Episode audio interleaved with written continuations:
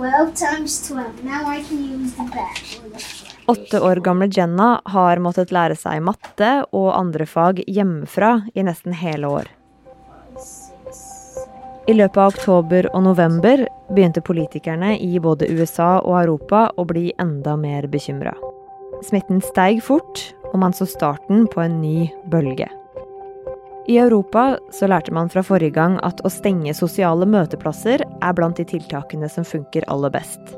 Så barer, restauranter, konsertscener og kinoer ble stengt igjen. Men denne gangen så har mange land i Europa holdt skolene åpne. For koronasmitten er relativt lav barn imellom, og belastninga på elevene blei for stor. Sånn har de ikke tenkt i New York. Du hører på Forklart fra Aftenposten. Jeg heter Anne Lindholm, og i dag er det torsdag 3. desember.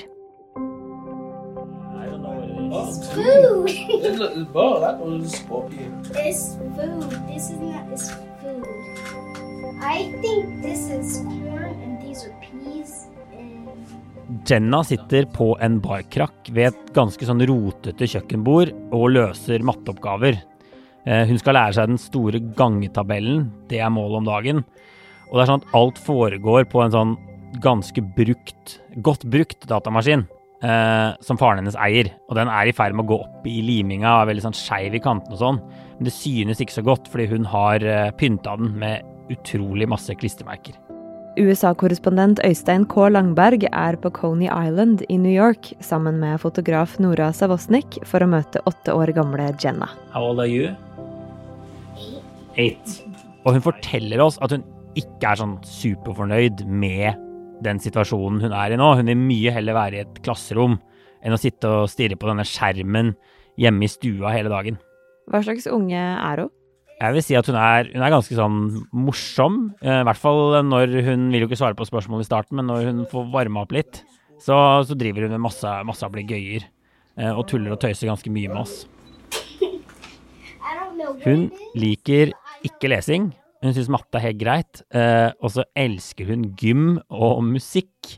Og kunst og håndverk. Og det er selvfølgelig tre fag som ikke er sånn superegna å gjøre digitalt. Særlig ikke gym. Så jeg tror hun savner Hun sa at hun savner å spille fotball med klassekameratene sine, og ikke hoppe opp og ned foran et kamera hjemme. That's sad. Yeah. At least you can just get up and go to the bathroom when you want to. Yeah. Jenna bor sammen med faren Ajamu og Ajamus søster, og de bor i en ganske sånn trang blokkleilighet. De har et treningsapparat og en sykkel midt i stua som tar opp veldig mye av plassen. Det er ganske sånn, det er godt og varmt der, men det er ganske dunkel belysning. Og hvert sånn 45. sekund så piper det fra en, fra en røykvarsler i, i hele stua. Okay, so uh, maybe we can sit a little closer if you just sit there. Den lille blokkleiligheten med treningsapparatet og sykkelen ligger i det som kalles The Projects. Yeah. Yeah. for Yeah. Målet vårt var å vise eh, hvordan koronaviruset rammer jeg vil si relativt vanlige, fattige amerikanere. Det er ikke sant den familien her lever helt fra hånd til munn. Han Ajami har en jobb, og han leier en leilighet. Men de har det likevel tøft, og det er sånn at viruset har gjort ting mye verre, egentlig. I'm making sacrifices. Like you can't, far as probably have to cut back on a little entertainment or whatever. Hva slags sted er The Projects der hvor de bor? The Project er egentlig boligblokker som består av subsidierte leiligheter som myndighetene eier. Eh, og Ajamu har bodd hele livet, han, i det han, og han også kaller for The Project selv. Eh, og han legger ikke skjul på at det er ordentlig røft å vokse opp der. Han nevner liksom kriminalitet, våpen, vold, narkotika. Eh, det er sånn at I trappeoppgangene inni denne blokka så lukter det urin, og noen steder er det sånn blodflekker på veggene. Eh, og han synes jeg er ganske naiv når jeg spør om, om datteren kan gå ut og leke utenfor blokka på egen hånd på dagen. Eh, det er helt utenkelig, eh, svarer han. Hun må selvfølgelig ha følge for å gå ut.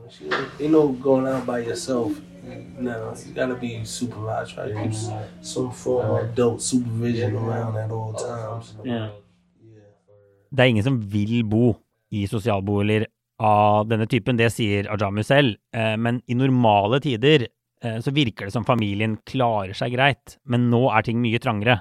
Eh, og når vi møter Ajamu nå, så virker han litt bekymret, han virker litt preget. Og det store dilemmaet hans er at så lenge datteren ikke kan være på skolen i et vanlig klasserom, så må han leie inn en barnevakt til å ta vare på henne mens han selv er på jobb. Og så må han betale for at noen kan følge henne opp i fag. For det klarer ikke de fleste barnevaktene han får tak i. Eh, og han sliter også med å følge henne opp selv. Én eh, ting er at han er sliten når han kommer fra jobb på den anleggsplassen eh, der han, der han jobber, men han er heller ikke god nok i fagene, sier han.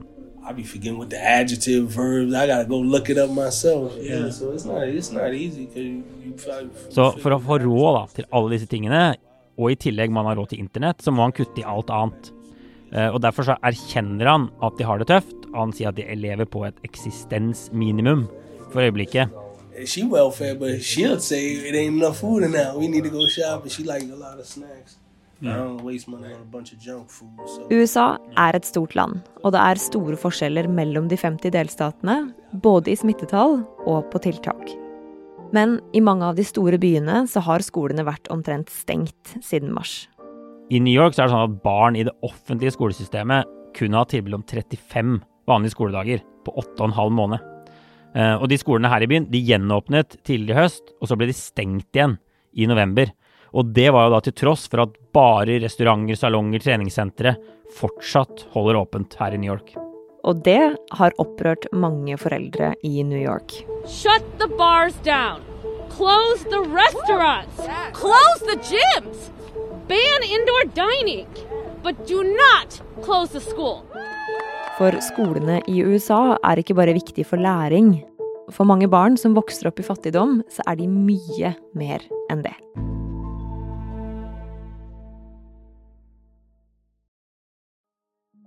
Øystein, hvilke konsekvenser får det at skolene stenges i eh, USA nå? Det har vært mange som advarer om at konsekvensene kan bli store og ganske alvorlige. New York er egentlig et godt eksempel på det. I det offentlige skolesystemet her i byen er det 1,1 millioner elever, og det skolesystemet er lærer, Det er ikke bare de tingene man lærer på skolen, men det er også en veldig viktig brikke i det sosiale sikkerhetsnettet i byen her. Eh, og et tall som sjokkerte meg første gang jeg hørte det, er at byen har over 110 000 barn som regnes som hjemløse av myndighetene. Eh, og mange barn er da helt avhengige av eh, maten de får på skolen for å få i seg næring. Eh, de får helsehjelpen de trenger på skolen. Overgrep, mishandling, den type ting fanges opp på skolen. Og selvfølgelig får barn med spesielle behov spesialundervisningen sin her. Og når skolen er stengt, så er jo mye av det vanskelig eller umulig å gjennomføre. Kan du si noe om hvor alvorlig det er?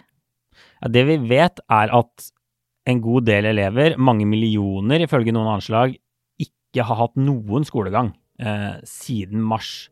Så man ser jo her konturene av en liten, må man si, katastrofe, hvor det går tapt ekstremt mye verdifull skoletid for, for mange av de svakeste barna. Tall fra før pandemien viser at hvert sjette barn i USA vokser opp i fattigdom. Nå er det dobbelt så mange arbeidsledige i landet som det var i starten av året, og for mange fattige familier så gjør koronatiltakene vondt verre. For når skolene er stengt og barna er for små til å være hjemme alene og sitte i videoklasserom, da må foreldre som Ajamo Osborne betale for barnevakt i tillegg til de vanlige regningene.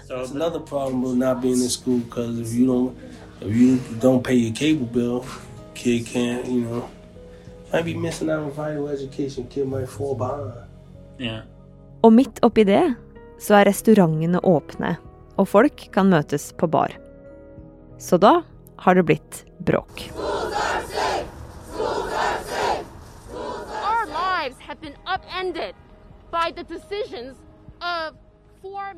Så de fattige barna sliter enda mer under koronastengte skoler. Men øl er lov. Hvorfor har det blitt sånn? Det er få som mener at situasjonen med stengte skoler og samtidig åpne barer er en perfekt eller ideell situasjon. Det tror jeg ikke jeg har sett noen si. Eh, og det er sånn at kritikken har blitt sterkere og sterkere mot det her den siste måneden. Og det er mange som peker på at land i Europa jo valgte stikk motsatt strategi, og at det egentlig ser ut til å ha fungert bra. Smitten i Europa er på vei ned igjen. Eh, og i mange land så har skolene vært åpne gjennom hele denne røffe høsten. Eh, men i USA var det sånn at lærernes fagforeninger lenge var veldig skeptiske til å åpne igjen. Særlig fordi de mente at det ikke var gode nok rutiner for hygiene og smittevern i skolene. De var rett og slett redde for sitt eget liv og for elevenes liv. Eh, og dessuten så er spørsmålet om skoleåpning i USA blitt hyperpolitisert på en måte som vi ikke har sett i Europa. Det var sånn Trump begynte å tvitre om at skolene måtte åpne igjen i sommer, og da virker det som en del demokrater instinktivt tok motsatt standpunkt. Så det har blitt litt sånn republikanere vil åpne skolene, demokratene vil ha de stengt. Og da har nyansene selvfølgelig blitt borte. Så da handler det ikke lenger om de faktiske tiltakene, da er det bare godt politikk i det, da? Ja, da virker det som følelser styrer for mye av debatten, og at man ikke legger så mye vekt på all den forskningen og de faktaene som faktisk finner, da, finnes da, om hvor mye smitte det er i skolesystemet. Hvem var det som bestemte at barene skulle være åpne og skolene være stengt på steder som New York City og noen andre byer også? Det var, jeg tror ikke det var én enkelt person som prioriterte barer over skoler. Eh, noen steder så skyldes det at det er andre myndigheter som avgjør om skolene skal være åpne, enn de som avgjør hva som skal skje med restauranter og barer og salonger og sånn. Eh, og i New York City så innførte ordføreren og, og, og myndighetene her i byen en rigid regel om at skolene skulle stenge dersom smitten oversteg 3 eh, av testene. Og Det ble gjort for å berolige f.eks. lærerne da, og for å få de til å, være med på å gjenåpne skolene, men har fått mye kritikk i ettertid for å være en altfor streng og lite fleksibel regel. For det skal ikke så mye til for at smitten er over 3% i en storby som New York. Nå er 13,7 millioner amerikanere smitta, og 270 000 er døde. USA fikk egentlig aldri skikkelig kontroll over viruset etter utbruddet som jo kom i mars. Eh, de hadde en ny bølge i sommer, og nå står de midt i det vi kan kalle bølge nummer tre, som er den største til nå. Eh, så det er alvorlig. Eh, antall personer som ligger på sykehus med korona er rundt 100 000 nå. Og det er sånn at flere delstater melder om sprengt sykehuskapasitet. Hvilken effekt har det da å stenge barer og restauranter sammenligna med effekten av å stenge skolene for å hindre smitte? Det har jo vist at skoler, og særlig da småskoletrinnet, ikke er en alvorlig smittekilde sammenlignet med andre ting. Eh, og barer, og særlig der folk står tett i tett, er det verre med. Men jeg tror det som vekker bekymring i USA aller mest nå, er store familiesammenkomster innendørs. Det er jo sånn vinteren er på vei, og vi er midt i det som jo her borte kalles holiday season, altså jul, thanksgiving, hanukka etc. You will see a tremendous spike after Thanksgiving. Tremendous spike after Thanksgiving. New York-guvernør Andrew Cuomo er en av dem som er bekymra for smittetallene i holiday season. Særlig den nasjonale festdagen thanksgiving, for tradisjonen tro så skulle amerikanere forrige torsdag ha samla seg hos foreldre, besteforeldre, onkler og tanter for å spise en stor kalkun. Your home sounds safe. No, you won't be safe. It's an illusion. Mange var flinke og stekte en kylling til kjernefamilien i stedet for den store kalkunen. Men det er også noen eksempler på at familier gjør akkurat som før og samler en stor mengde mennesker inne. That's my family. You can't tell me don't socialize with my family. Og om noen dager så kan vi få svaret på om Cuomo får rett i bekymringene sine. I mellomtida må åtte år gamle Jenna fortsatt ha hjemmeskole. She just gotta do the rest of these and then she's gonna be good. Yeah. The rest of what? The words. You only got 10 words and that's it. Det er veldig usikkert når de fleste skolebarn i USA vil ha noe som minner om en normal skolehverdag igjen. Det som er sikkert, er at det i hvert fall ikke blir i år. Um, men sammenligningene med Europa og den kritikken som kommer mot at skolen er stengt, har ført til noen endringer nå. Jeg syns vi ser at debatten endrer seg litt. The focus will uh, over the next few weeks up until the Christmas break getting elementary up and. Uh, making that go smoothly with a whole lot more testing. Nå har New Yorks ordfører kunngjort at skolene, eller i hvert fall barneskolene, skal åpne igjen, selv om han jo nettopp stengte dem. Uh, men når det har vært så mye frem og tilbake som det har vært denne høsten, så er det et stort spørsmål hvor mange foreldre som faktisk vil sende barna sine på skolene. Og det er også et stort spørsmål hvor mye jobb som må legges ned for å ta igjen all den tapte tiden som særlig fattige barn har, uh, har gått glipp det siste, det siste halvåret. Og det blir helt sikkert også en jobb å finne en del av de elevene som bare rett og slett har forsvunnet fra radaren i løpet av de siste månedene. Hva er det Jennas far, Ajamo, håper for henne, da? Han har store drømmer for datteren på sikt. Han håper at han skal, hun skal få gjort ting han aldri selv fikk muligheten til. Fullføre videregående, eh, og så ta høyere utdanning etterpå. Men akkurat nå så er hverdagen litt annerledes. Det er ikke rom for disse store visjonene. Han sier nå er det om å få en gjennom tredje klasse. Og det er en kamp hver eneste dag.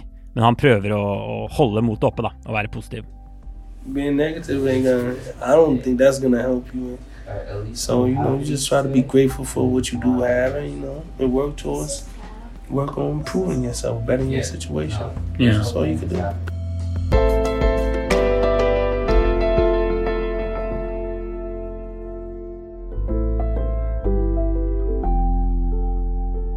Denne episoden er lagd av produsent David Vekoni og meg, Anne Lindholm. Resten av Forklart er Caroline Fossland, Fride Nesten Nonstad og Marit Eriksdatter Gjelland. Du har hørt lyd fra nyhetsbyrået AP.